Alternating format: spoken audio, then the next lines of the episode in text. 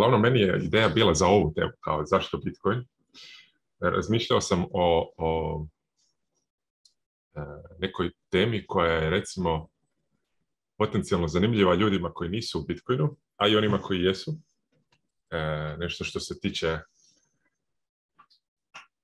svih, svih ljudi, uvijek je, jako su to sve obuhvatne teme.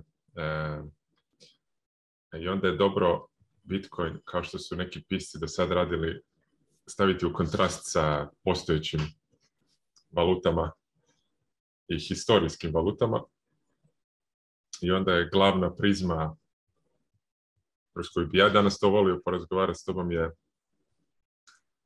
dati razloge zašto Bitcoin i zapravo napraviti nekakav moralni, eh, moralni argument za Bitcoin tako što bih prezentirao alternativu kao nemoralnu. E, pa eto, sa tim ludim ambicijama možemo ovaj, krenuti u tako nešto. E, šta, ti kažeš to? Pa da, ne, dobro ste uveo. Um, ima tu par pitanja koji ova, mislim, konverzacija će da vrti oko, oko njih, valjda. ili probat ćemo. za ne znam, uvijek kad uvedemo ovu, pa, kad pričamo o ovakvim stvarima, ima beneficije da čovjek zna neku istoriju para. to pomaže. dobro pitanje oko toga je možda što novac znači za civilizaciju. ne znam ako ti hoćeš da počeš s tim, ali mislim da je to dobro pitanje s kim ti si krenuo a, i što je uopšte novac važan ili zašto da. funkcioniše, e, što postoji, što postoji uopšte. Da, pa ajde, mislim, pošto je kao cijela ideja zašto Bitcoin, možda je bolje pitanje zašto novac i zašto i treba li nam uopće novac. Da.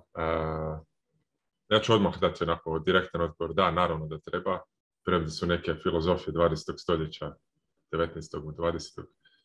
tvrdile da ne, E, jer novac je zapravo alat ili tehnologija. E, da, slažem se.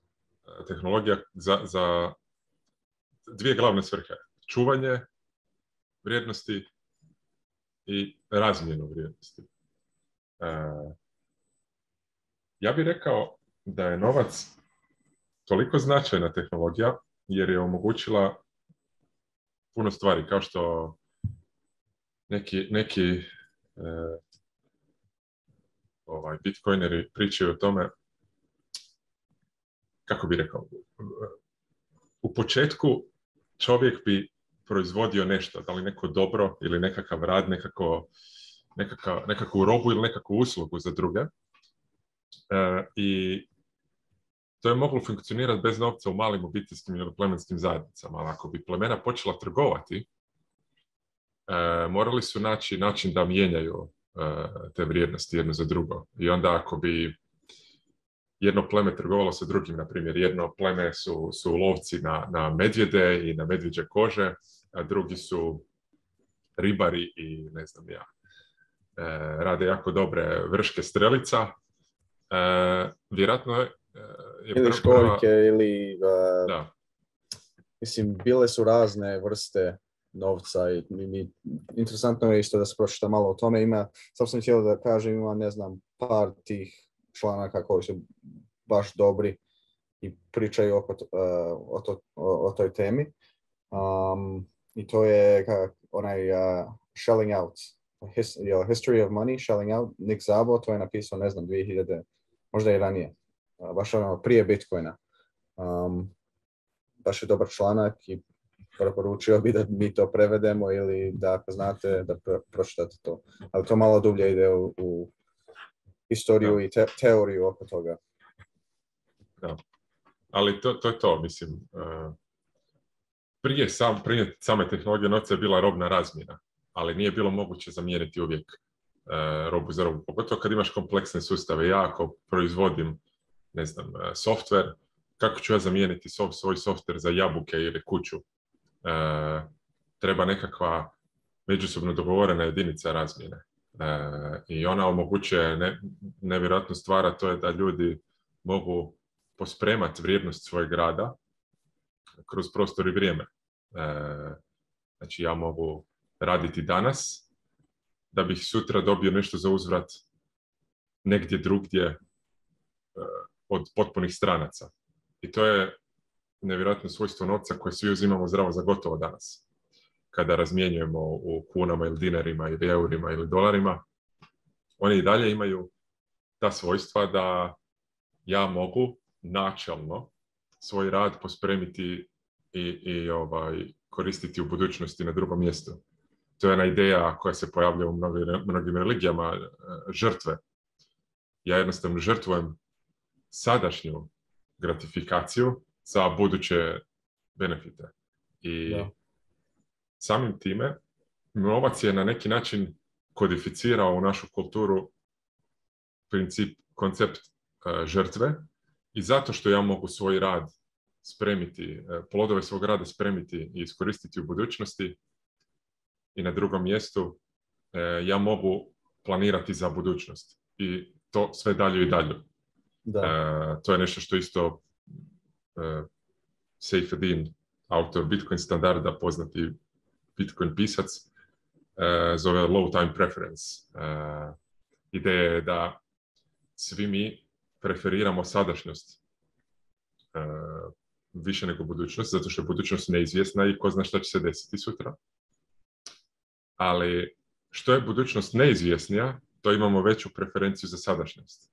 I to onda zovemo visoka preferencija za sadašnjost ili high time preference a kvalitetan novac omogućuje da snižavamo taj time preference i planiramo za budućnost. Jer ako ja imam duboko uvjerenje da će plodovi mojeg grada pospremljeni u novcu biti iskoristivi u budućnosti, ja onda ću biti voljni žrtvovati dio sadašnjosti za bolju budućnost. Kao da neki način da postoji ne samo jedan ja danas, nego postoji ja danas i u svakom trenutku u budućnosti i prošlosti, ja kroz žrtvu svog rada za novac, ja trgujem sa e, budućom verzijom sebe. Znači, Matija danas, e, e, radeći i pospremajući svoj rad u novac, koji će iskoristiti nekad sutra, Matija radi razmjenu vrijednosti sa budućim Matijom. I opet, i onda sa drugim ljudima. I sa drugim ljudima, da. da, Ali u, u tome je stvar. Znači, to je kao spremanje vrijednosti. I to je jedno jako bitno svojstvo novca bez kojeg e, e, koje ne bi mogli spremati bez e, novca, barem ne dugoročno. Ne bih ja mogao razmišljati o tome da, ne znam, ja sam stolar i radim drveni namještaj, prodajem ga, dajem svoje vještine, svoj, svoj materijal, svoje vrijeme u, u kvalitetan namještaj da bi ja onda mogao to za tri godine iskoristiti na ispijanje koktela na Havajima, e, Netflix pretplatu i ne znam, salatu od, od rajčica. Da. E, znači, to je nešto što onako zvuči nestvarno, kad malo dublje razmisliš o tome, ali to je ono što novac omogućava. Nikad bez novca to ne bi bilo moguće jednostavno. Tko bi meni da. vjerovao na Havajima da sam ja u Hrvatskoj napravio namještaj za nekog?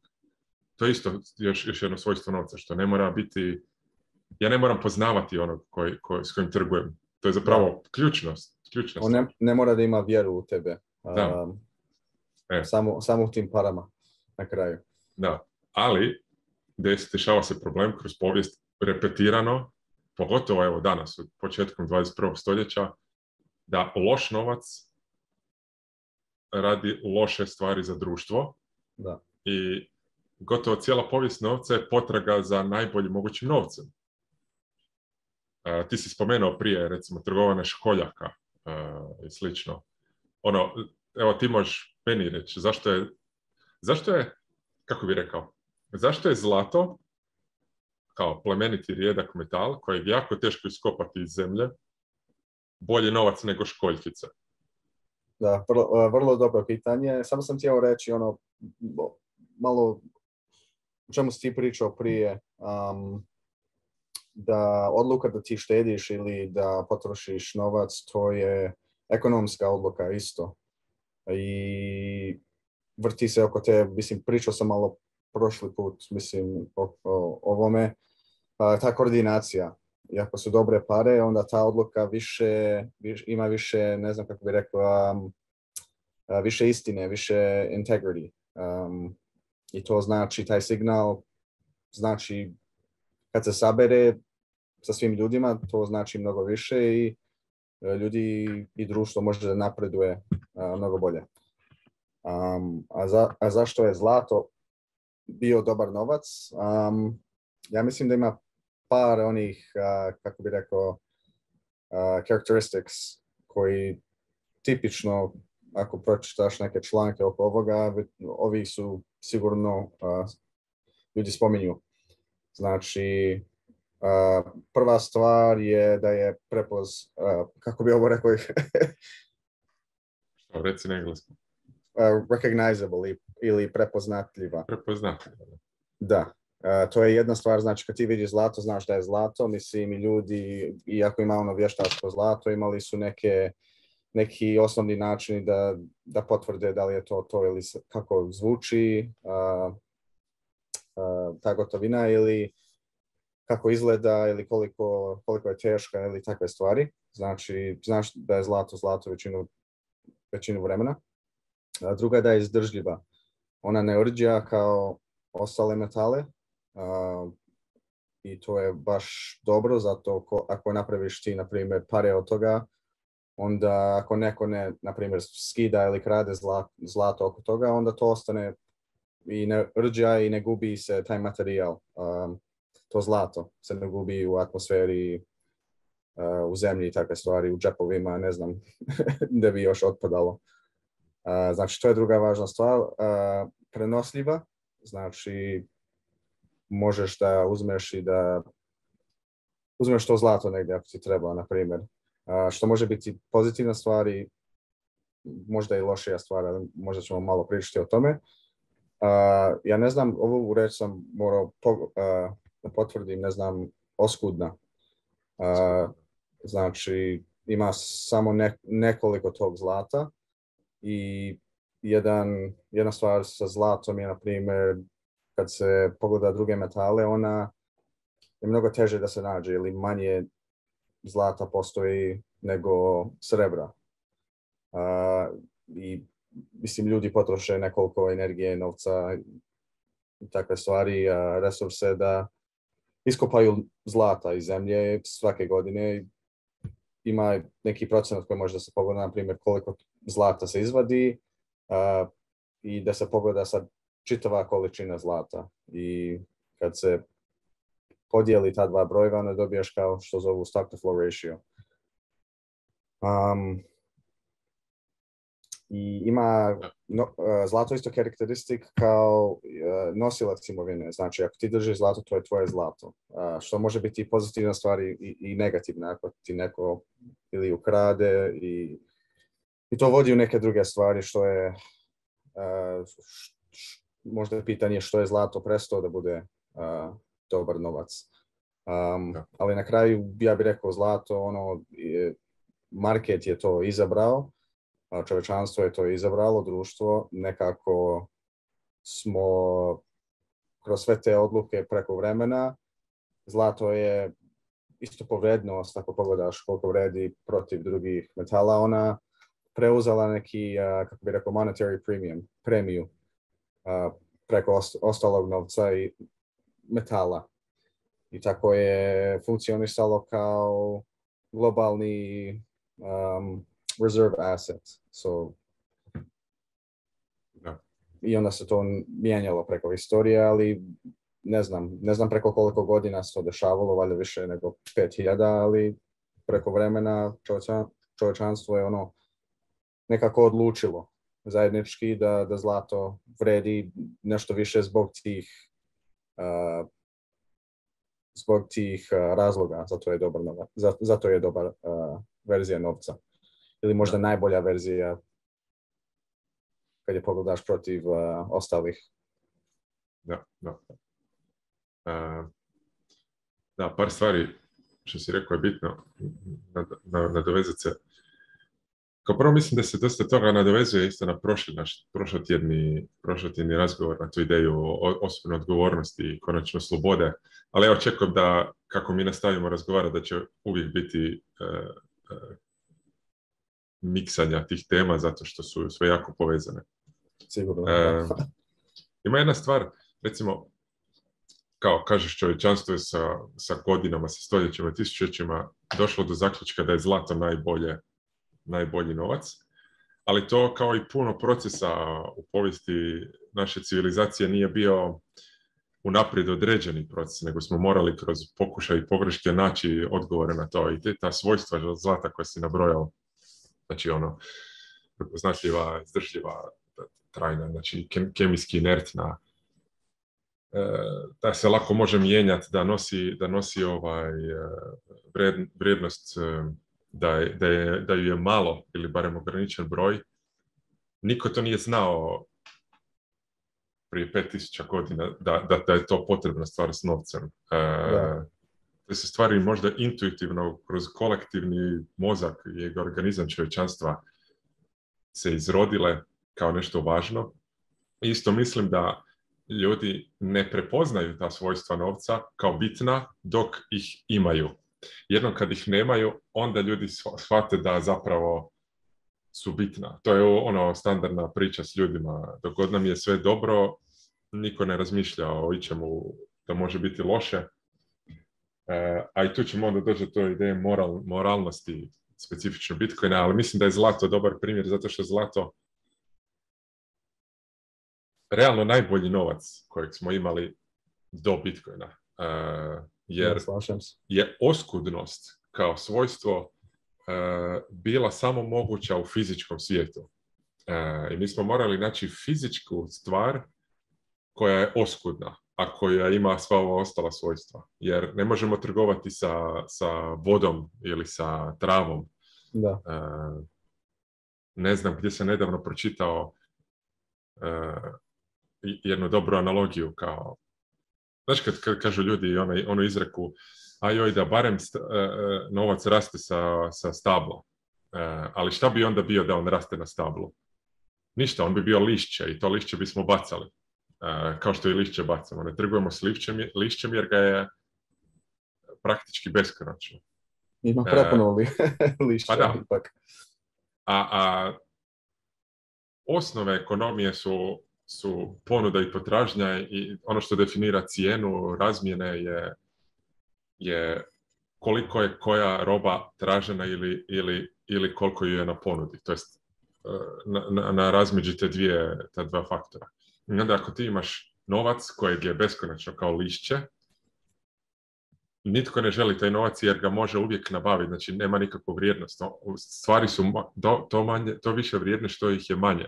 Da. E, to je nekakva osnovna stvar i prilično intuitivna. Opet ljudi ne razmišljaju puno o tome, jer nikog od nas se u školi ne uči ništa o novcu. Barem mene ne, prepostavljam ni tebe ne. Vjerojatno jako malo mjesta ima na svijetu gdje ti učiš šta je novac i kako novac funkcionira prije možda fakulteta, ako i da. tamo. I to je isto razlog zašto e, su zlato i bitcoin moralni, a, a, ovo što danas imamo je nemoralno. Jer ti si spomenuo da postoji razlog zašto zlato nije najbolji novac ili nije dobar novac. To jest zašto mi danas, ako je zlato tako fantastično, koristimo eure i kune i dinare i dolare. E, što nisu oni bolji.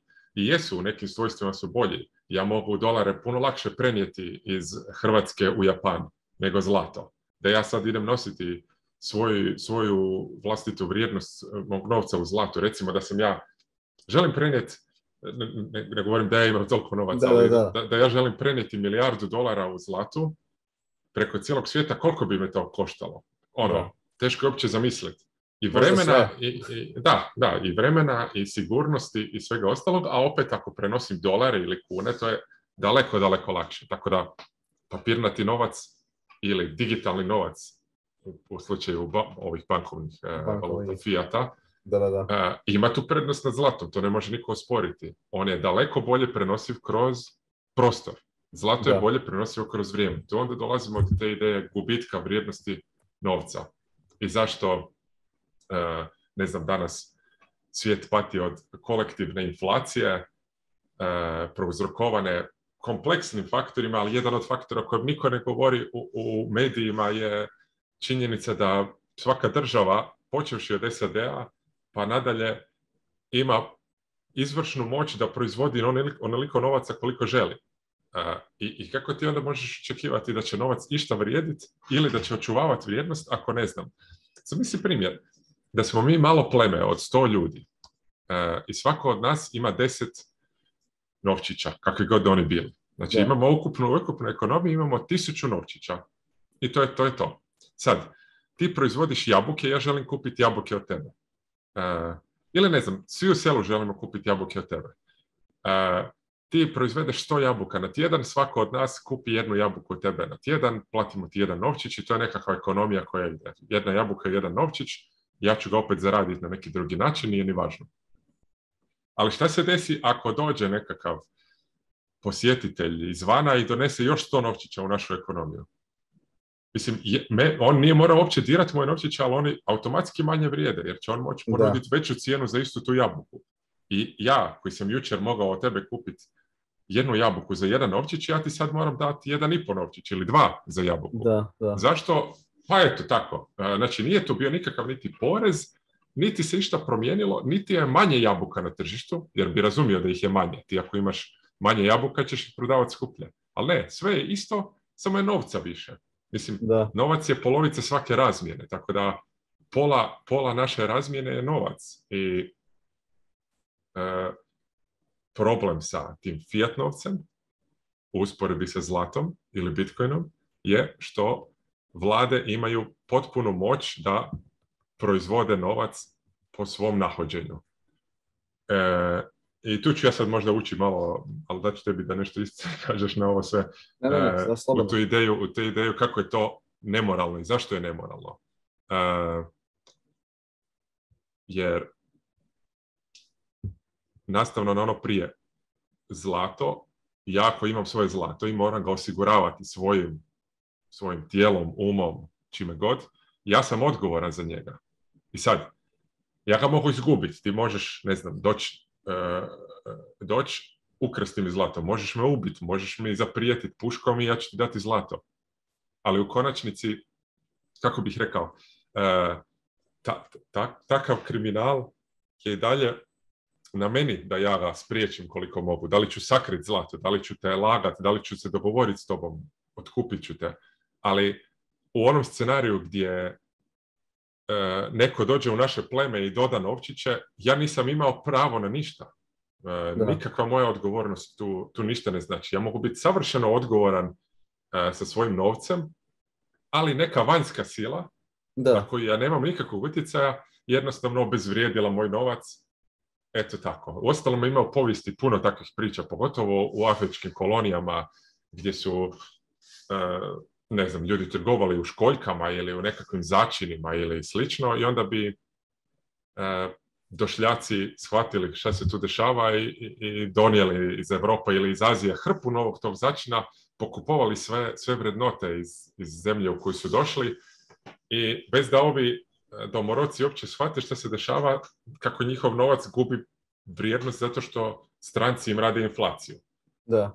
E, I dobro, sad, nama možda ne rade stranci inflaciju, jer to je ipak naša vlada, oni imaju naše najbolje interese na, na pameti, ali dobro, e, pustit ću tebe da prokomentiraš možda ovo nešto što sam ja rekao. Ako imaš pa, htio sam reći par stvari sad. E, ne znam da li sam htio malo da uskočimo u... E, pa ti si spomenuo ti, tu neke stvari e, što taj papirni novac ili na primjer srebro se isto korist, koristilo zato zlato je bilo puno vredno i onda nisi htio ono da nosiš sve svoju vrednost sa sobom ako si nosio zlato znači koristio si te tu neke druge alternativne pare što bi rekao i oni funkcionišu kao imaju tu pozitivnu karakteristiku gdje možeš da lako, da lako da se koristi, ali ima tu negativnu isto gdje neko može ili ima ako oni mogu da štampaju taj novac, onda imaš tu opciju isto kako pričaš neko, to je isto kao da ti neko krade, što sam htio reći. Ako ti neko sad uđe u kuću i uzme ti zlato, to je meni to isto slično kao da neko uh, štampa uh, papirni novac. Eh, možda malo ne možete se povredi što bi rekao, zato mislim se, to još i gore. ali možda je gore, da. da. Znači to je na kraju jednostavno krad um, kad to rade. I onda malo da uđemo, na primjer, uh, imam tu par nekih stvari zapisano zašto je zlato prestalo biti dobar novac. Mislim, malo smo pričali o par tih razloga, zato je fizički, geografski se skupljao, skupljao u, nekim prostorima. To su ili bile, ne znam, bogate porodice, zemlje, države, banke i, takva mjesta. I posle nekog vremena toliko zlata je se čuvalo tamo i oni su počeli da koriste kao papirni novac i takve stvari da, da ulakša taj proces oko troška i običnog života. I onda taj spoj oko tog papirnog novca i zlata, što bi rekao je ukinut, ja bih rekao, 1971. E, e, u Americi bar, zato to je bio posle 45. mislim da ovaj američki dolar je bio onaj osnovni e, valuta sveta do 71. dok nije e, nekako okrenula neki drugi oblik u, fiat novac. Možda i, mislim i prije su oni štampali, ali u 71. oni su ukinuli tu vezu e, sa zlatom potpuno. E, ima nekih drugih primjera isto, na primjer u 1933.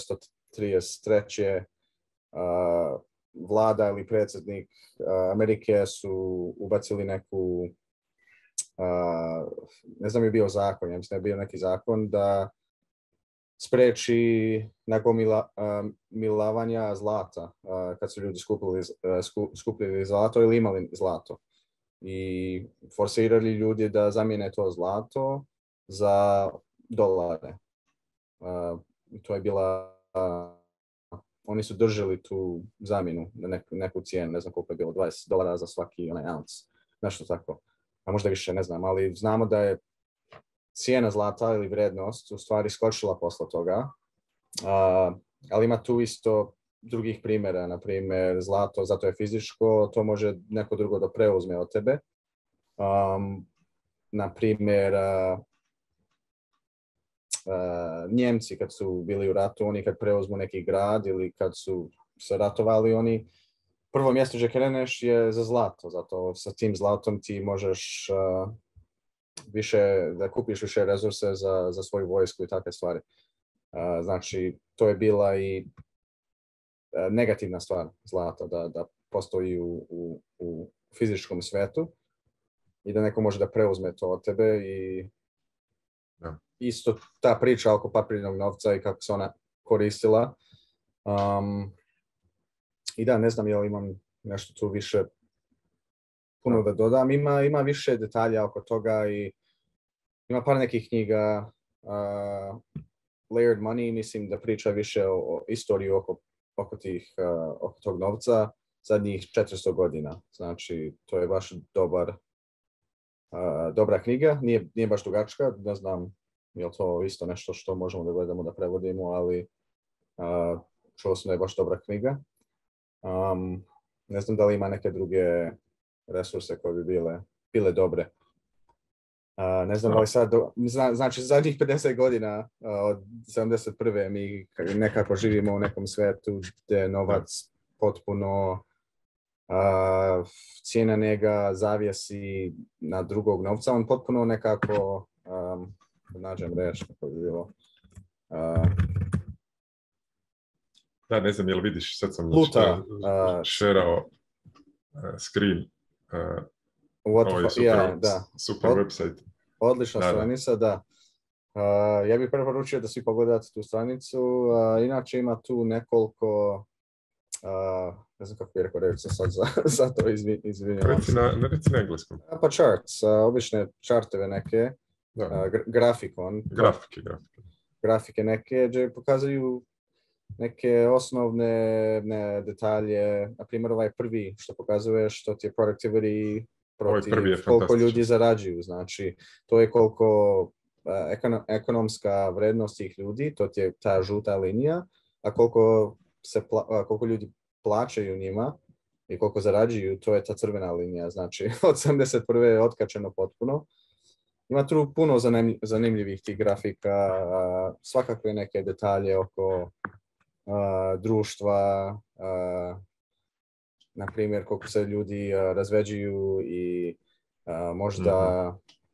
svakakve neke, ne znam, baš je interesantna stranica, ima ih ne znam, stotinu bar tih grafika, znači preporučio bi da, da to pogledate 100%. Da, da, da. E, mislim, ti si spomenuo isto taj Fiat novac i šta se dogodilo 71. I mislim da je ovdje uh, vrijeme za, za možda drugi rent, zato što je to nešto što mene osobno jako ovaj, e, može animirati. Mislim, ovaj, ovaj graf. E, znači, imamo ideju da evo, od, od 48. do 71. gdje imamo podatke je više manje rast produktivnosti i kompenzacije ili plaće za tu produktivnost rastao zajedno. 71. je izvršnom odlukom e, predsjednika Nixona u Americi e, dolar potpuno odcijepljen od zlata. Sad tu ima puno, puno e, političke pozadine zašto se to tako desilo, ali ajmo reći samo ovako da SAD je nakon drugog svjetskog rata držao većinu svjetskog zlata u svojim sefovima. Da i rekao ljudima ne brinite, mi ćemo za vas to čuvati, evo vam u zamjenu dolari, vi ih možete kad god želite zamijeniti za zlato, ali dolari su vam bolji, zašto biste to radili? No kako su desetljeća prolazila, mnoge zemlje, pogotovo u Europi, su tražile, kako bi proizvodile kroz svoju ekonomiju vrijednost, tražile su natrag zlato i SAD-ovi sehovi su se počeli prazniti. A zato što je većina dolara e, izmišljena, E, čak već tada bila, SAD su shvatili da ako slučajno svi, e, svi čije zlato e, ta država čuva, traže svoje zlato, ne samo da će nestati, ostati bez svog zlata, nego će biti i zaduženo.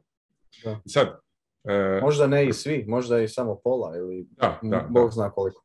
Možda desetina. u Bitcoin standardu i u fiat standardu od Seyfedina se o tome priča i glavnom, nakon što je dolar kao potpuno, e, kako bih rekao, e, od vlade podržan novac, odcijepljen od zlata, sada je SAD e, kao država imala potpunu, moć da fiatom, ili fiat, fiat je od latinske riječi koja označava da se nešto stvori zato što to netko kaže. Na primjer, Bog u, Bibliji stvara svijet kroz fijat. Bog, kaže nek bude svjetlo i bude svjetlo. To je fijat. I sad to je ok ako to Bog radi, jer je Bog neko biće koje možda zna nešto više od nas, ali ne ako ljudi se počnu igrati Boga. Sve to vjerojatno počelo još eh, početkom 20. stoljeća, eh, prvim svjetskim ratom, eh, slično. Ali eto, da ja počnem pričati zašto je Fiat nemoralan. Znači čak e, Fiat e, ima uvijek problem e, da ne može ispuniti sva, svu funkciju novca.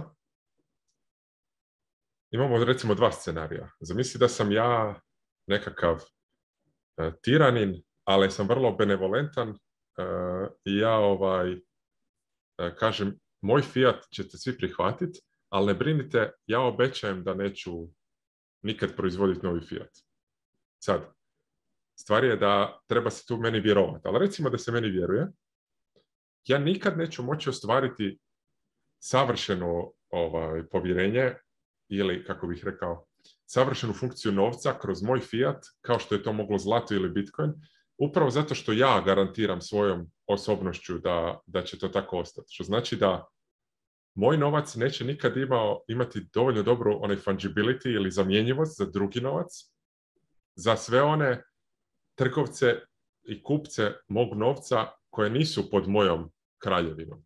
Znači, ako ja želim trgovati s nekim izvana, ti, ti ljudi sigurno neće prihvatiti moj novac jer su moji neprijatelji, moji rivali, moji protivnici. Znači, Fiat ima to svojstvo da, da ja ne mogu... Kao Rusija, misliš kao Rusija da. slična, ovaj, da. situacija. A drugi argument koji je puno češći je da jednostavno u ljudskoj prirodi je tako da kada postoji ona izreka da moć kvari, jednostavno i apsolutno moć kvari apsolutno. Iako ja imam e, priliku da upravljam novcem i proizvodim novac po, po svom nahođenju, gotovo je nemoguće da ću se ja oduprijeti tome. I to je ostalo viđeno kroz povijest. Ti si spomenuo kako su u, Rimskom, u Rimskoj republici e, su e, zlatne novčiće e, ljudi, ljudi bi imali zlatnik i onda bi strugali Malo, malo prašine sa rubova i, I onda bi tu prašinu opet skupili i mintali, stvarali nove novčiće i radili inflaciju na taj način. Znači jednostavno je to u ljudskoj prirodi, nekakva pohlepa ili nešto. I svaki put kada bi pa to je da, ekonomska odluka. Ako ti možda potrošiš da. neki novac da, da, da, da, osvojiš tu vrednost, vrednost ti, ti ćeš to uraditi. I vrlo slično ono e, što si u stvari u grupi prisao oko, oko energije i Bitcoina i kako da, spojeno s tom cijenom energije ili energijom. super da inače... kažeš, jer šta je energija? E, mislim, za nas, za ljude, e, energija je jedinica koja nam omogućuje rad. A, a Bitcoin kao takav i zlato kao takvo počivaju na radu. To, zove, to zovemo proof of work ili dokaz o radu. Znači, jedini način za doći do novog zlata ili do novog Bitcoina je kroz rad. A ono što fiat omogućava je da ja proizvodim novac bez da radim. I to je ono što krši ono prvo počelo čovječanstva, znači tu ideju žrtve, gdje ja žrtvujem sadašnjost za budućnost sa svojim radom, ne? Mhm. ja kao Fiat, master, gospodar Fiata, mogu proizvoditi novac arbitrarno, kradući indirektno od svih ostalih koji koriste taj novac, da bih sebe obogatio. Znači ja, krađ, ja, ja tuđi posao kradem i doslovno radim suprotno od proof of work ja imam proof of theft on, proof, eh, dokaz, dokaz o, o krađi. Znači gdje sam ja ne e, žrtvovao sebe za bolje sutra svoje, nego, tebe sam za žrtvovao, mene. Žrtvovao sam, da, sve vas za svoje dobro sada. I samim time i svoju budućnost. Jer na kraju krajeva ja e, utječem nepovoljno na budućnost tako što društvo sabotiram, ja da. smanjujem kupovnu moć svakog od nas E, povećavam e, time preference, znači e, ljudi počnu manje razmišljati o budućnosti, narušavam tkivo civilizacije. Sad to može zvučati grandiozno, ali je tako. I ja ću onda i time ne, i posredno i od svoje budućnosti krasti. Znači, ne samo da krademo od tuđe, nego i od svoje. Jer ja ako počnem uništavati državu u kojoj živim, e, državu u kojoj živim ili civilizaciju u kojoj živim, možda će moje dijete ili unuk patiti zbog toga što sam ja radio zbog sve pohlepe. Znači, to je, fiat je suprotno od proof of work, suprotno od žrtva. Ja žrtvujem budućnost za sadašnjost umjesto sadašnjost za budućnost. I to je glavni, glavni argument zašto je fiat nemoralan. Da. Zato što nikad ne može raditi dobro za našu kolektivnu budućnost. E, a kolektivna budućnost je bitna i tu sad ja ne, ne, ne želim reći da je bitan kolektivizam ili komunizam ili slično, ne. To je sve fiat. E, kolektivna budućnost znači budućnost mog plemena. Mi na kraju krajeva ljudi smo stotinama tisuća, vjerojatno milijunima godina živjeli u malim plemenskim jedinicama koje su imale 50 do 100 ljudi i svaki put kad bi naraslo preko, to postoji onaj Dunbarov broj, preko 150 bi se ocijepile manja plemena. Jer ja sa svojim fizičkim tijelom i umom ne mogu na ovom svijetu preživjeti sam. To jest, jako malobrojni ljudi bi im to mogao napraviti. Da, I ono što ja radim, je radim za svoju obitelj i za, za svoje pleme.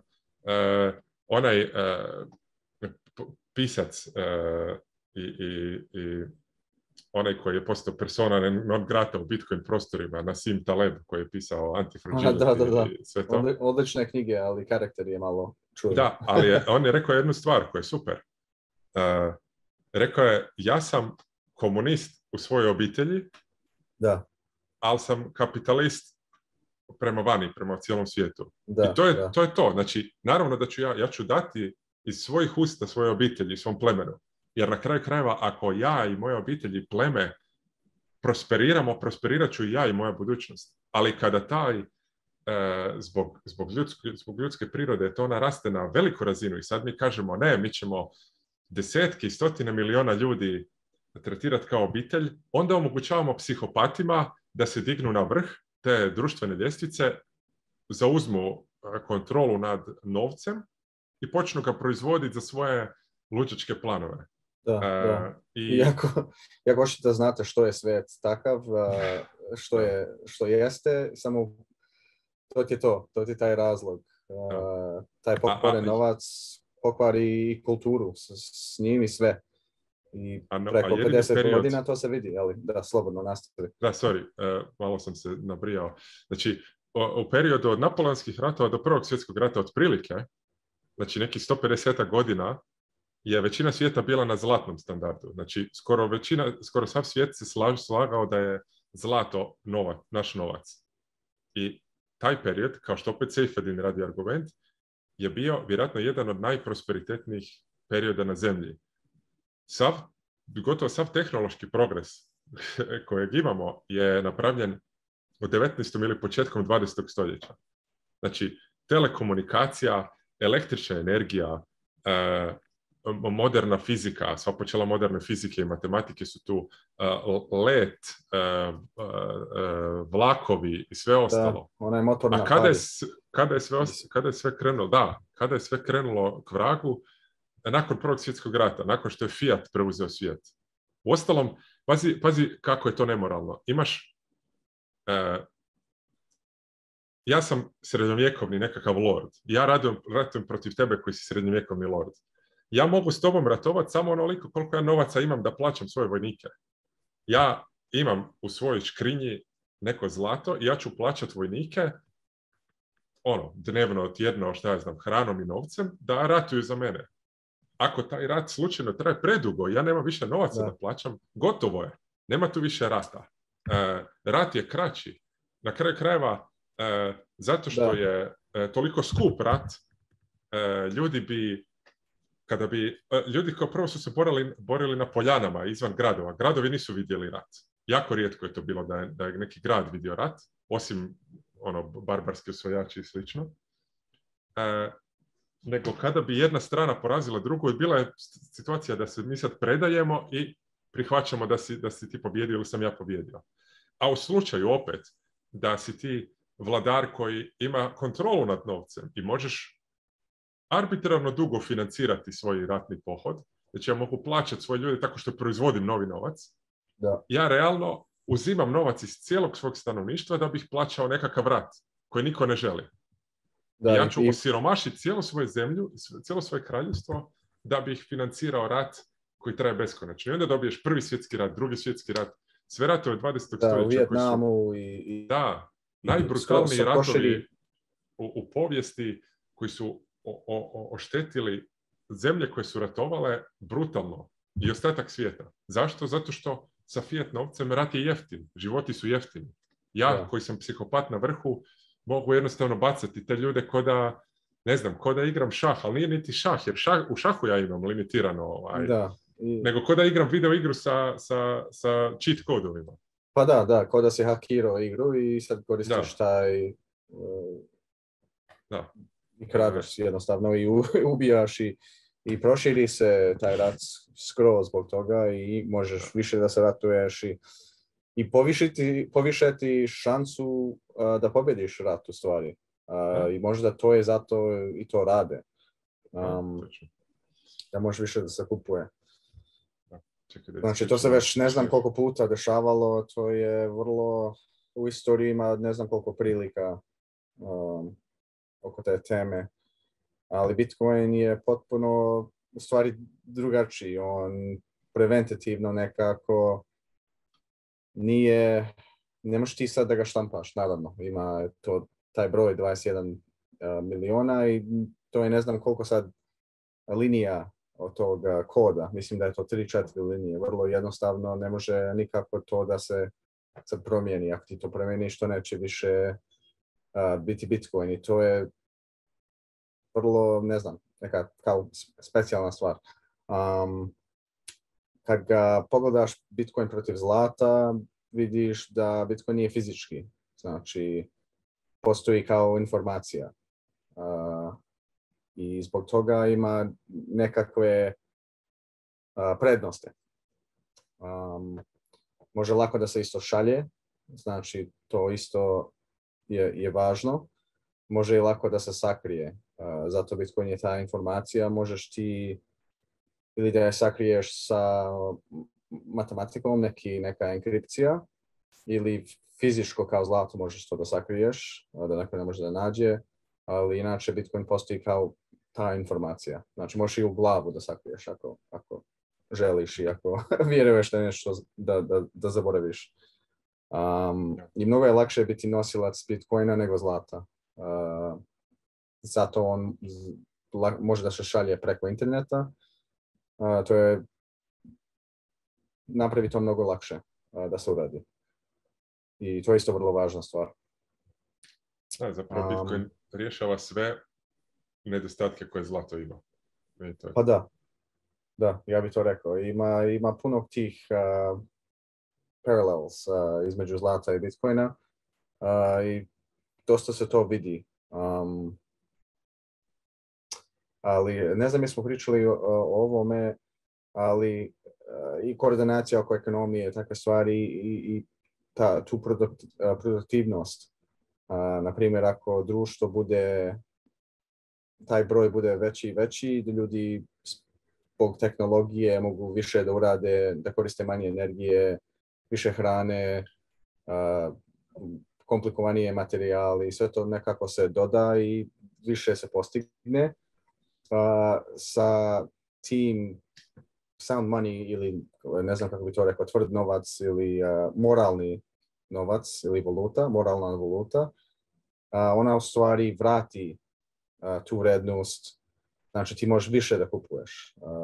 zato ima tu uh, kako bi rekao, sad čekaj sam se sam uh, vernost, ono što si ti rekao, e, vernost novca, e, ta odluka ili da je koristiš ili ne koristiš e, znači više i ako društvo i ono čovečanstvo bude više produktivno ili produktivan, onda ti možeš više da kupuješ s tim, s tim novcom. I s Bitcoinom to je to ti uđe u taj broj 21 milion, da ne može nikad biti više Bitcoina nego toga.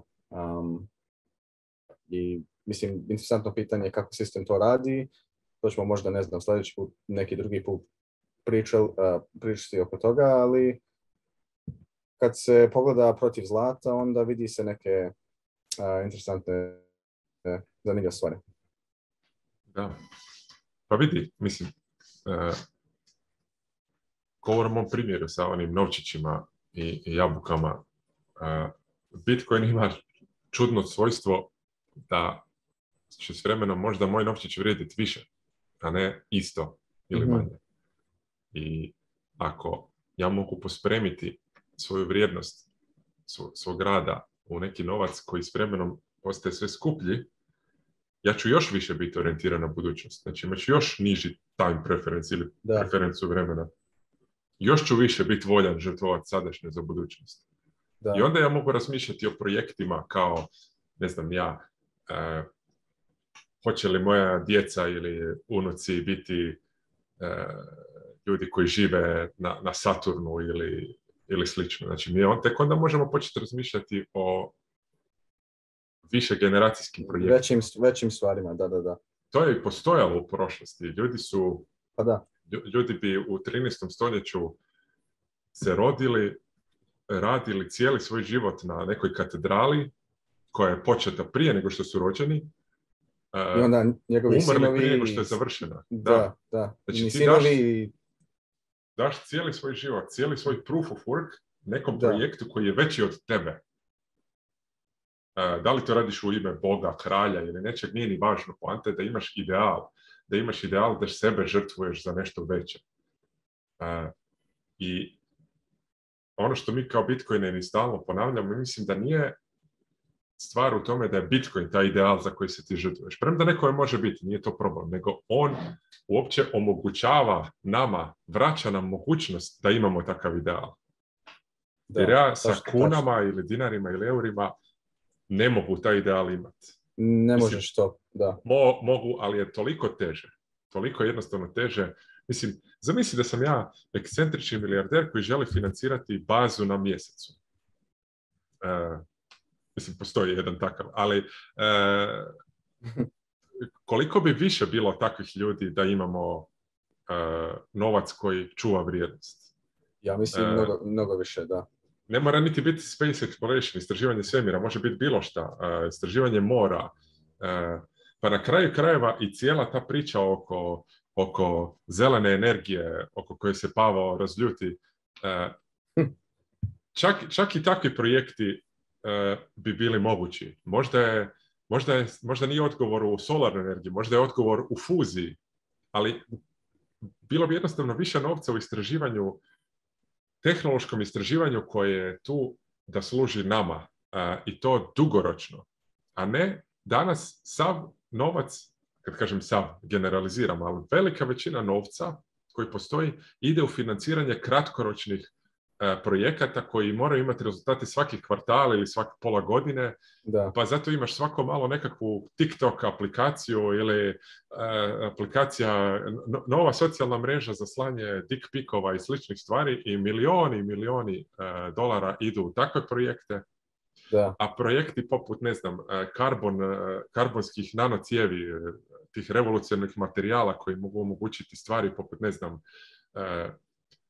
lifta koji diže sa površine zemlje u svemir, da jednostavno ono, možemo materijalne znanosti, material sciences, toliko revolucionalizirati, samo da imamo dugoročni pogled, da možemo gledati 30-50 godina unaprijed, a ne pola godine ili godinu unaprijed. A zašto ne možemo to raditi?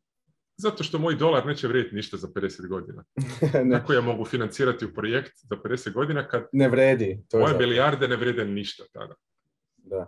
I to je to. a a s druge strane zlato više nije relevantno, zato što na kraju krajeva i ilegalno posjedovati zlato u hrpu država. Da. A Bitcoin je ono na što se uvijek vraćamo, je potpuno e, nov, dobar izum oskudnosti u digitalnom svijetu i zato što ima hard coded, znači u svom kodu ima limit od 21 milion kojeg niko ne može promijeniti ili ga je jako, jako teško promijeniti, pa je skoro nemoguće, e, imamo obećanje opet takvog svijeta. Jer to obećanje je umrlo u 20. stoljeću. Mhm. E, ljudi koji su sanjali, Žil Verne je pisao u 19. stoljeću science fiction o 20.000 milja pod morem, pa je putovao na mjesec. Kako je science fiction, to je znanstvena fantastika nekad, pogotovo početkom 20. stoljeća i polako je onda opadala, bila uvijek optimistična. Da, e, i onda danas se promenila skroz. Da, danas kažemo kako je to naivno, znaš, ali nije naivno, to je optimistično. Mi sanjamo o zelenim vanzemaljcima na, na Marsu. Nema veze, mi sanjamo o tome. Pogledaj science fiction ili znanstvenu fantastiku danas. Sve redom distopija, svijet ide k e, novi Star Trek, ne znam ako si fan, ali Star Trek nekad je bio optimističan. Star Trek danas je pesimističan, kritičan, mržnja, eh, ono. jednostavno, Da, jednostavno u kulturi, u umjetnosti se vidi taj da. nihilizam, kratkoročnost, uh, ono, se jednostavno umjesto da ljudska vrsta ide naprijed, mi se vraćamo na nekakav eh, životinski borbeni instinkt. Da, da, da, da. Ono, koliko se mi daleko... Štitiš se. Da, štitiš se zato što je budućnost neizvjesna. Ostalom, budućnost izgleda grozno. Budućnost je, ona imamo stalno neke pandemije, ratove, inflacije. E, pitanje je da li ću za šest mjeseci moći e, auto pokrenuti, koliko će benzin biti skup. Da. A to je sve rezultat 20. stoljeća, rezultat fiat svijeta. I zato mi, bitcoineri, stalno, ko neke pokvarene ploče, ponavljamo istu priču. Nije bitcoin nešto što smo već prije imali. Bitcoin je potencijalno naša karta da izađemo iz ovog svijeta i napravimo bolji svijet. Samo što je stvar da je to dugotrajan proces. Cijena Bitcoina danas nije važna. E, da. Tu se radi o desetljećima. I ako mi možemo za 100 godina imati bolji svijet zato što smo danas radili na Bitcoinu, pa zar nije to vrijedno? Zar nije to povratak onom idealu da ja ću raditi za neku budućnost koju neću doživjeti zato što vjerujem da će ta budućnost doći. Bez Bitcoina ja ne mogu raditi za tu budućnost. Jer šta god ja radim je to manje vrijedno što je dalje u budućnosti. A ja danas možda štedeći Bitcoin mogu sanjati o tome kako će moji nasljednici za četiri generacije graditi interstelarne interstellarne brodove mojim bogatstvom koje sam ja štedio 2022. To je sa dolarom nezamislivo. Sa Bitcoinom nije. Možda je to optimistično, možda je to sanjarski, možda sam ja u krivu, možda smo svi mi u krivu. Ali koja je alternativa? Znači možemo biti u krivu i u tom slučaju ništa se ne mijenja. Ali samo ako smo 1% u pravu, pa šta ne vrijedi dati sve što imaš za tih 1%. Jer alternativa je samo nihilizam, beznađe, crnilo. A alternativa koliko god da je malo vjerojatna, postoji. To je onako kao, svjetlo na kraju tunela. Sve što možeš napraviti ići prema tom svjetlu. Pa ako ne stigneš, nema veze, barem si pokušao. Najgore je ne pokušati. Neće nikad ništa uspjeti. Država nikad neće dozvoliti Bitcoin. To je sve glupost, to je sve kocka. Ok, ne znam, onda živi svoj život e, na taj fiat način, budi depresivan, nihilista. Koliko je ljudi na e, svakodnevno radi posao koji mrze da bi došli kući, e, popili dva piva ili se uduvali e, sa marihuanom ili pili tablete za smirenje samo da bi mogli sljedeći dan odraditi. Zašto? Zato što ništa ne vrijedi. Budućnost ne vrijedi ništa, novac ne vrijedi ništa, svijet ide k vragu. Možda da probamo naći nekakvu misiju za budućnost i, i prihvatimo Bitcoin kao tu valutu koja nam može omogućiti tu misiju. Nije Bitcoin misija. Bitcoin je metoda. Sredstvo, metoda kojom tehnologija, ne, vršimo neki... tu misiju. Da, da. Vrlo, e, I zato je Bitcoin moralan. Eto, da, vrlo dobro si to rekao, mislim, slažem se potpuno sa, sa svim tim. Um, ja se sjećam kad sam bio manji, um, kad sam učio sve o što se dešavalo, uh, što su ljudi napravili zadnjih, ne znam, 150 godina, 200, 200 150, 200 godina, ne znam a, tehnologijom i takve stvari. Stvarno sam mislio kad ono ostarim da će biti sve potpuno drugačiji. Da će stvarno ta tehnologija da izgora ne znam neke lude stvari. ima ne znam poznate kako bi rekao izreke na engleskom trebali smo dobiti leteća auta i u stvari dobili smo, ne znam, 260 ovih karaktera na Twitteru. Znači imamo neke stvari, ovu moć tehnologije u procesorima i takve stvari, ali druge stvari nisu se baš uh, pojavile. Um, I kao što ti to pričao, mislim ako se mi vratimo na taj standard novca koji je mnogo uh, štiti vrednost i, nekako te, uh, kako bi rekao, samo radio, e, da, te, da bi te nagradio, na primjer oko energije.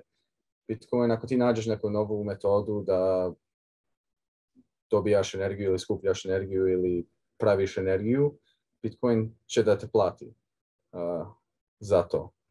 Znači, mislim, to je uvijek, energija uvijek može da se kupi, to je prava stvar, ali nikad nije market postoji da, neko to hoće da kupi, ta mreža, Bitcoin mreža, hoće to uvijek E, znači ima neki tu nivo e, gdje kad pogledaš cijenu Bitcoina i koliko košta energije da se potraži ili rudi, onda ima neka matematika oko toga i uvijek će biti taj nivo. Ne znam, ti si malo pričao oko toga. ne znam što sam baš htio dodati. Mislim, hvala Bogu da, da Bitcoin postoji u, u ovakvom vremenu, zato vidiš sve te negativne stvari oko kulture i kako ljudi gledaju ili svoj život ili... Uh, ja gledam kao tehnologija, kao nije to pozitivna ili negativna stvar na kraju. Ima i pozitivne i negativne stvari. Mislim, sad ljudi gledaju više na negativne stvari. U kulturi, u, u taj sci-fi, isto, isto ono što si prišao. Ja se sjećam kad je bilo više pozitivno i mhm. mnogo lepše, a sad se to da malo promenilo i to je ono, vrlo dobro, do, dobro si to video. E,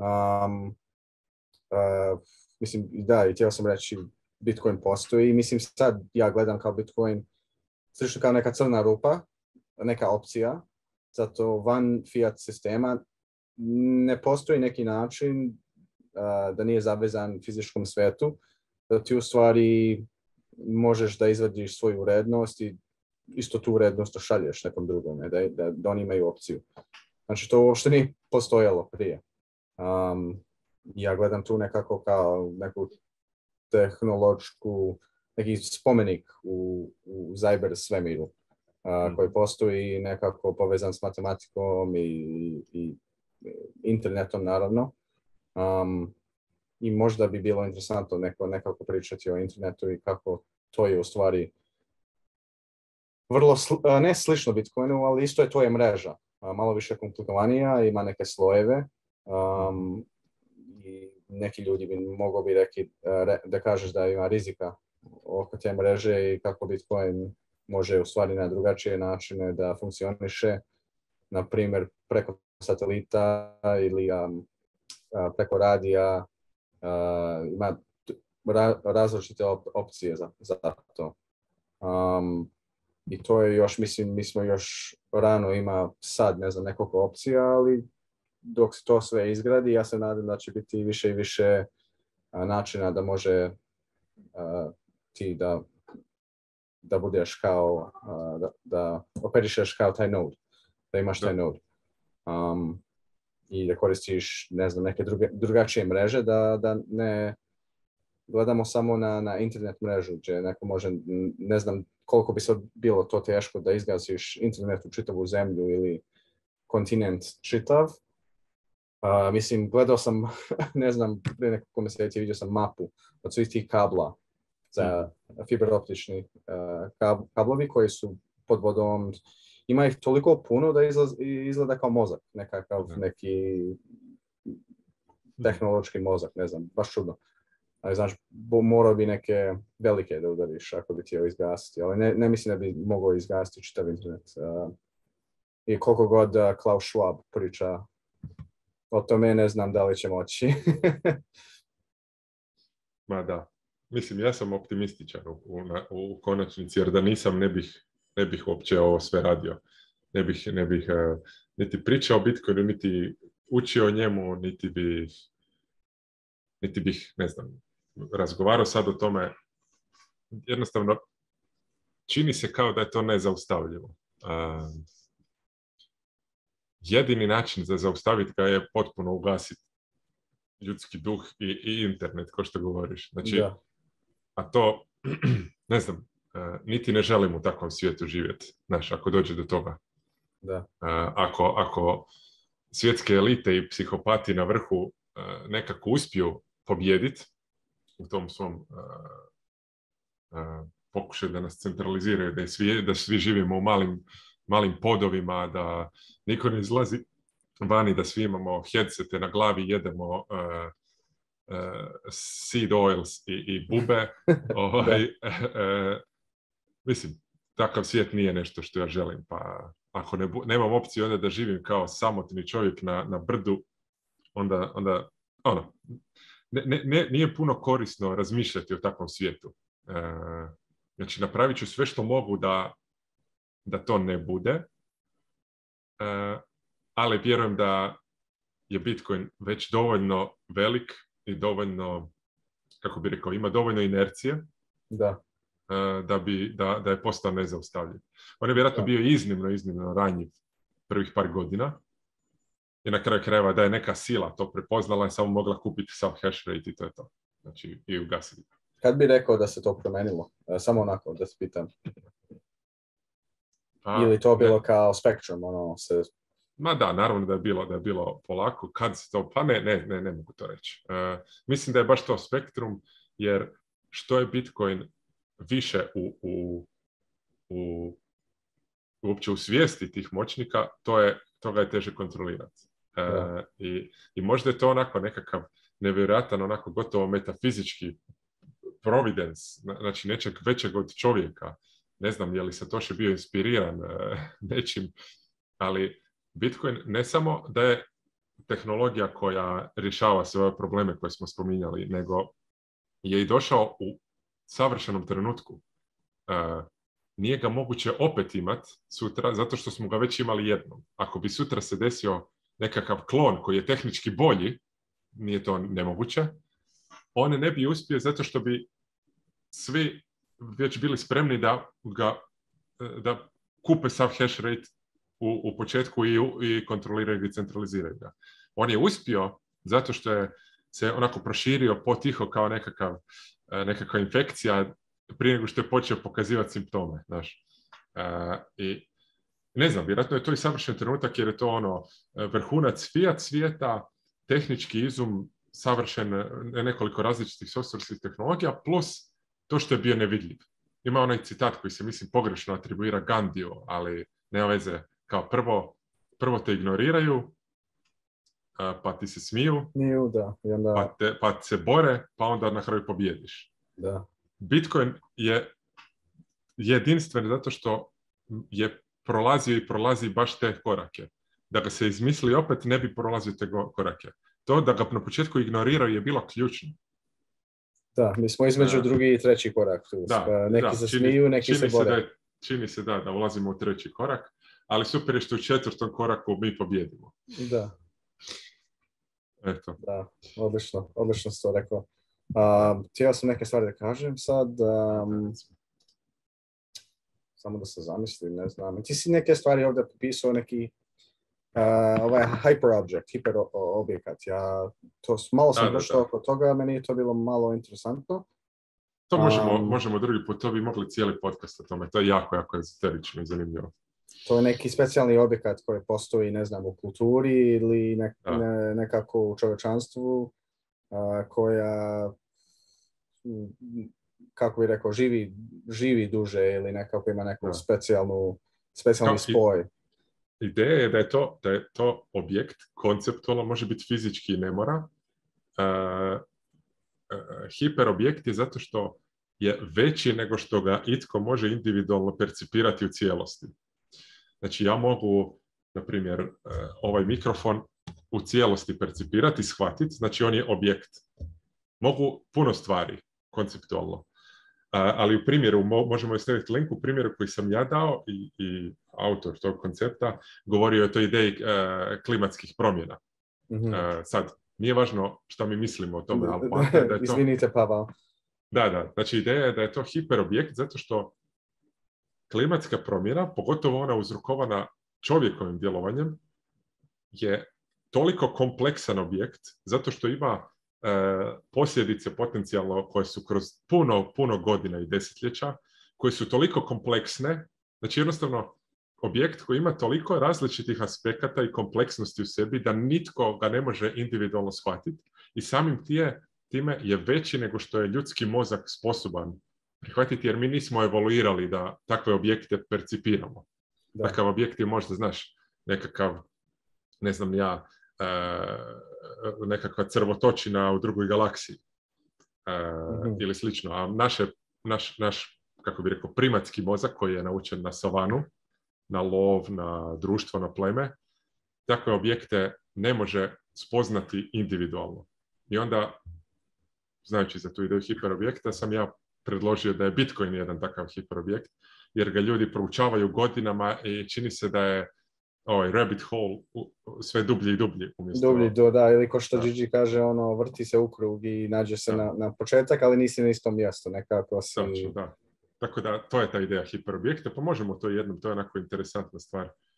Onako, to je baš neka duboka, ezoterična filozofija, ali eto, meni je, meni je kako bih rekao, kad sam bio mlađi mi je ta ideja klimatskih promjena bila zanimljiva, mislim i dalje mi je zanimljiva iz filozofskog eh, aspekta, eh, ali Bitcoin mi je nekako bliži, možda baš zbog toga što moj eh, primitivni mozak je pao na tu number go up tehnologiju i na kraju krajeva ja se bavim Bitcoinom i nadam se da ću biti bogat sutra zbog toga, dok bavljenje klimatskim promjenama je drugčije motivirano, to je motivirano nekakvom politikom ili slično.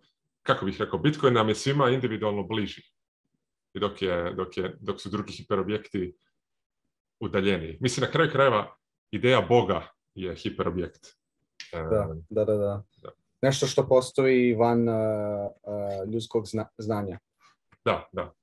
I van sposobnosti. Da, da, sposobnosti. Ne, vrlo interesantno. Zato nema toliko takvih stvari. Znači, ako da. Bitcoin upada u tu kategoriju, onda to je vrlo interesantna stvar. Ili, mislim opet što Gigi kaže, to je kao živo biće u, nekom mhm. načinu. Ona ima svoj sat i radi preko tih blokova.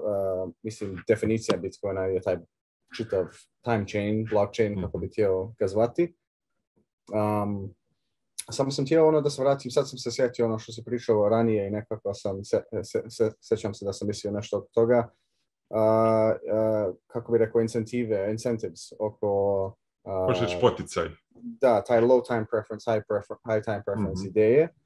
I kako se to vidi u našem svetu? Na primjer, u agrikulturi, ove velike farme koje imaju, vidi se da oni uopšte ne gledaju za koliko će taj, ta zemlja biti zdrava uopšte. Oni, na primjer, samo kupuju svake godine pesticide i sve te materijale koji trebaju da podrže tu zemlju, ali uopšte ne pomažu da ta zemlja bude više i više zdrava. Na primjer,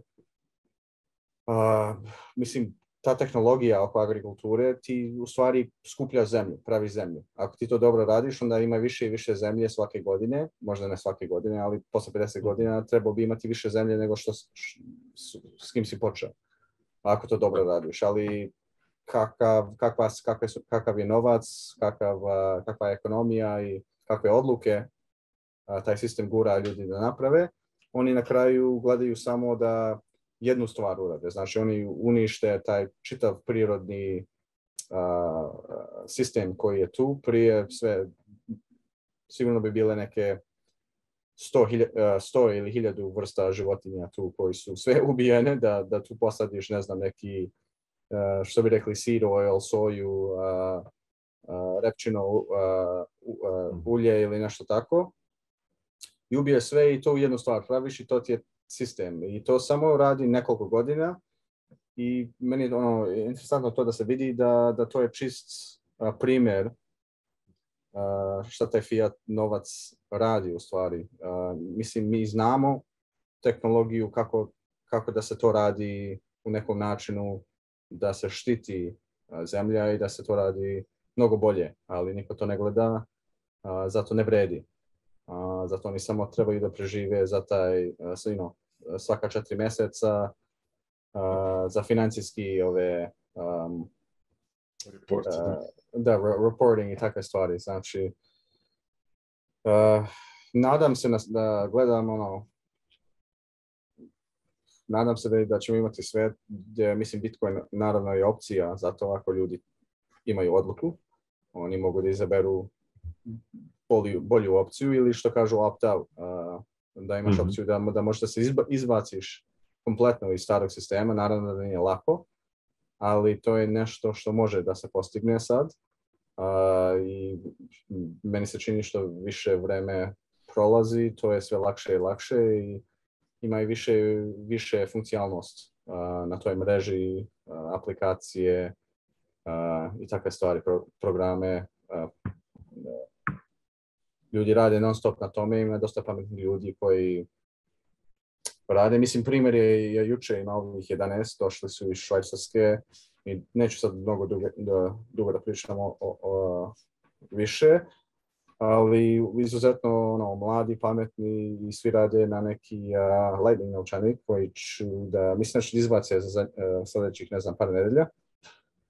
Ali meni to interesantno da sad to, da ljudi rade oko toga i imaju investitore koji hoće da daju im pare da, da rade na takve stvari, da imamo opciju, na primjer, kad kad dođe vrijeme, kad ili ne može, bankomat ne radi, ili banke su zatvorene, ili, ne, znam, možda internet ne radi nekako, ili ti imaš opciju da u stvari platiš nekako drugačije. I, na primjer, ove offline metode za primanje preko Lightninga su stvarno baš cool, ja ne znam koliko će to da sve vidi na Twitteru, neke NFC kartice i takve stvari, znači ja ne znam koliko to može E, baš je ono dobro, zato mi smo se zezali sa ovim stikerima i NFC-ima na, na, na Meetup i onda vidim sljedeće da je ova, mislim, engleska kompanija izbacila neki uh, projekat uh, s ovom SATSCAR, neka kartica. Da, da, da, da.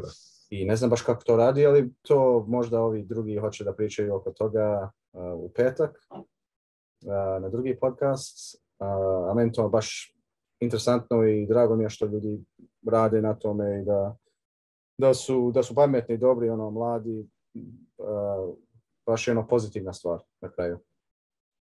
Absolutno.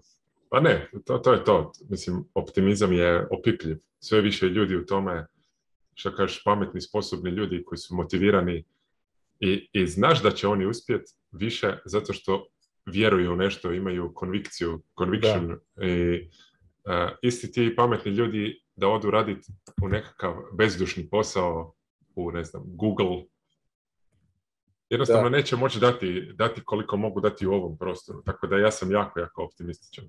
Evo, kako samo možda vrijeme da zaključimo, htio bih samo jednu kratku priču ispričat jednog mog ponašanja koje inače nikad ne bih napravio, ali baš evo ovih dana, da li ovaj ili prošli ja ne znam.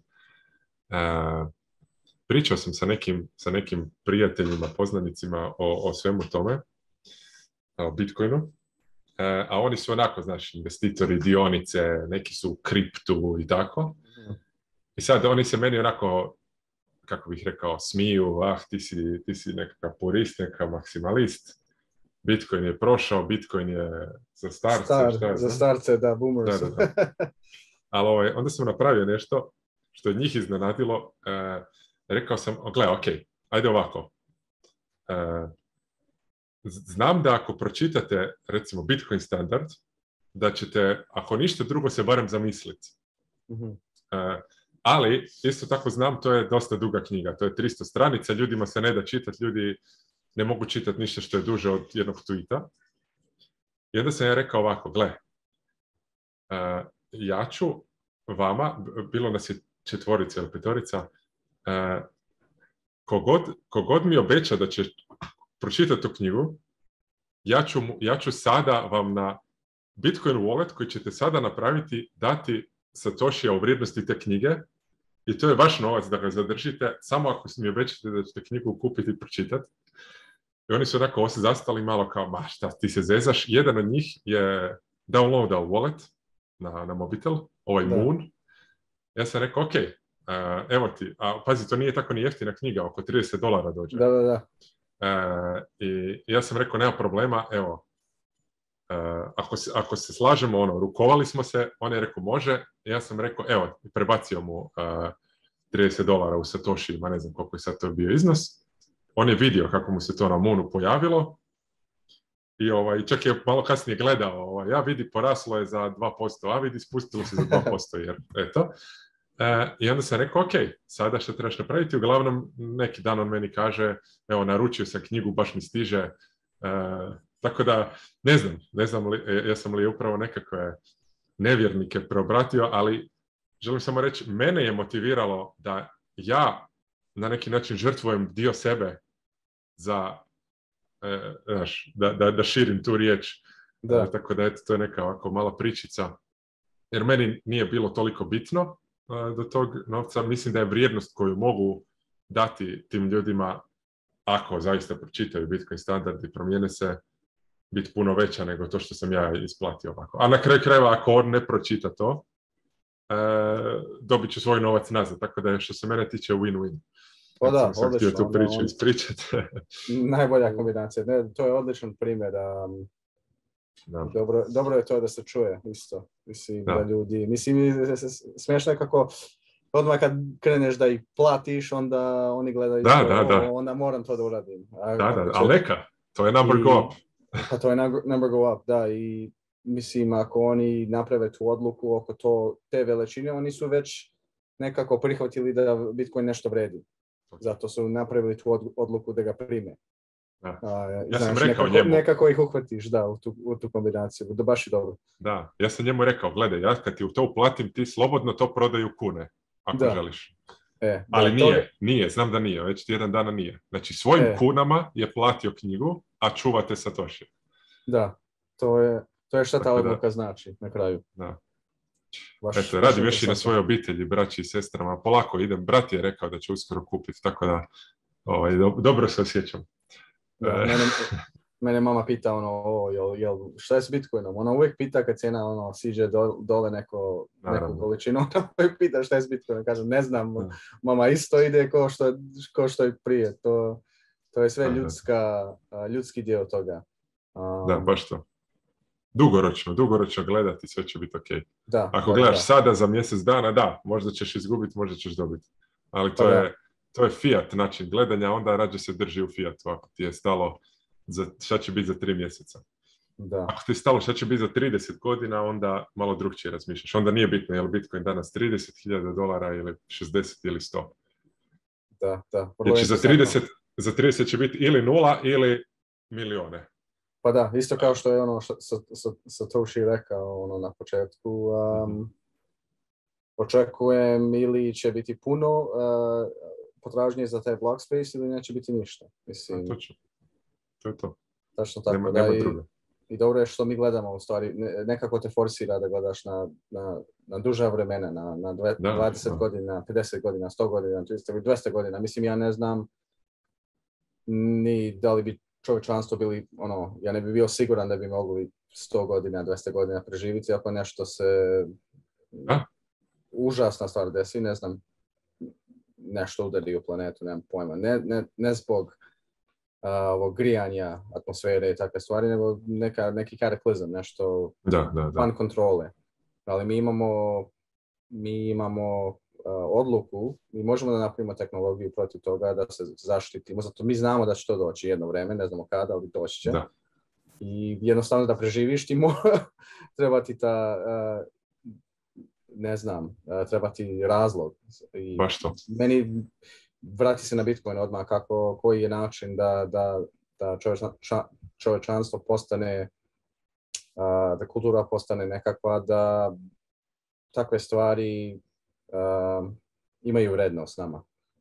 Um, Apsolutno, da. I, I Bitcoin tu pomaže. Mislim, ne znam, sad mislim da smo se dosta ispričali, bio, bio ono odličan razgovor i dobra pitanja si se ovdje napisao i mislim da je sve bilo odlično. Ne znam jel ti imaš neka zadnja, zadnje neke stvari da kažeš, ali... Ne, ovo je super što si rekao. E, te kataklizmičke probleme možemo riješiti jedino ako nam je stalo do budućnosti. E, I izlječimo taj nihilizam kojeg je 20. stoljeće stvorilo kako ništa nema smisla i sve beznadno pravi zlo, da. Možda je zato ovaj što, što možda je zato, mislim, sigurno je zato, ali to isto tema za neki drugi put, e, kako je, kako je čest, česta pojava među bitcoinerima da se vraćaju spiritualnosti i religiji, valjda zato što opet su sposobni vjerovati u nešto veće od ničeg. A do sad nismo vjerovali ništa kao kolektivno, kao civilizacija. Kao da smo nekako onako bolesni bili i polako umirali, a Bitcoin je lijek. Tako da, eto, možemo zaključiti sa, sa tim mislima. E, polako. Razgovor. Eto, dobro, Braž, ovaj, bilo mi je drago koji prošli put. Vidimo se sljedeći tjedan nekad. I meni isto bilo uh, odlično, odličan razgovor. ne znam ni koliko dugo smo pričali. Hmm ali da, hvala i tebi i čujemo se valjda sljedeće, sljedeće nedelje. Čujemo se. Pozdrav svima koji su slušali i gledali. Vidimo se brzo.